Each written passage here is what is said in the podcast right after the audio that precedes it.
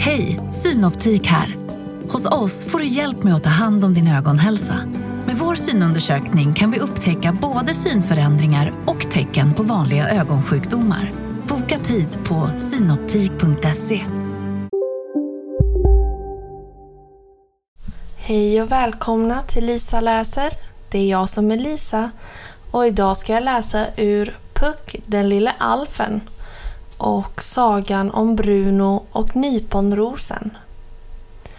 Trollskogen var full av vackra blommor men nästan alla dess invånare var överens om att nyponrosen var den vackraste.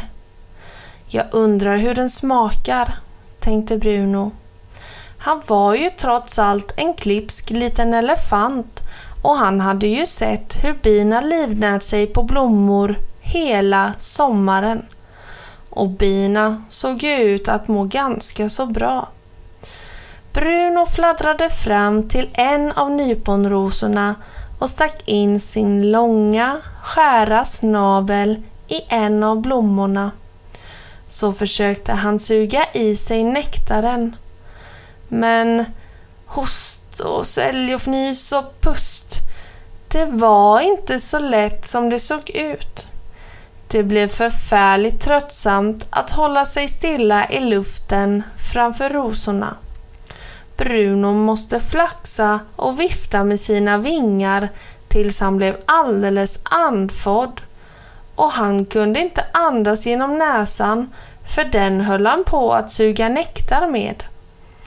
Jag tror, sa Kristoffer Kryp, att du gör bäst i att bara titta på rosorna och vänta med att äta tills du är tillbaka i älvdrottningens palats. Jag har inte bett om din mening, fräste Bruno. Dels för att han var arg för att han inte kom åt nektarn och dels för att han inte hade tillräckligt med luft för att ge sig in i en längre diskussion.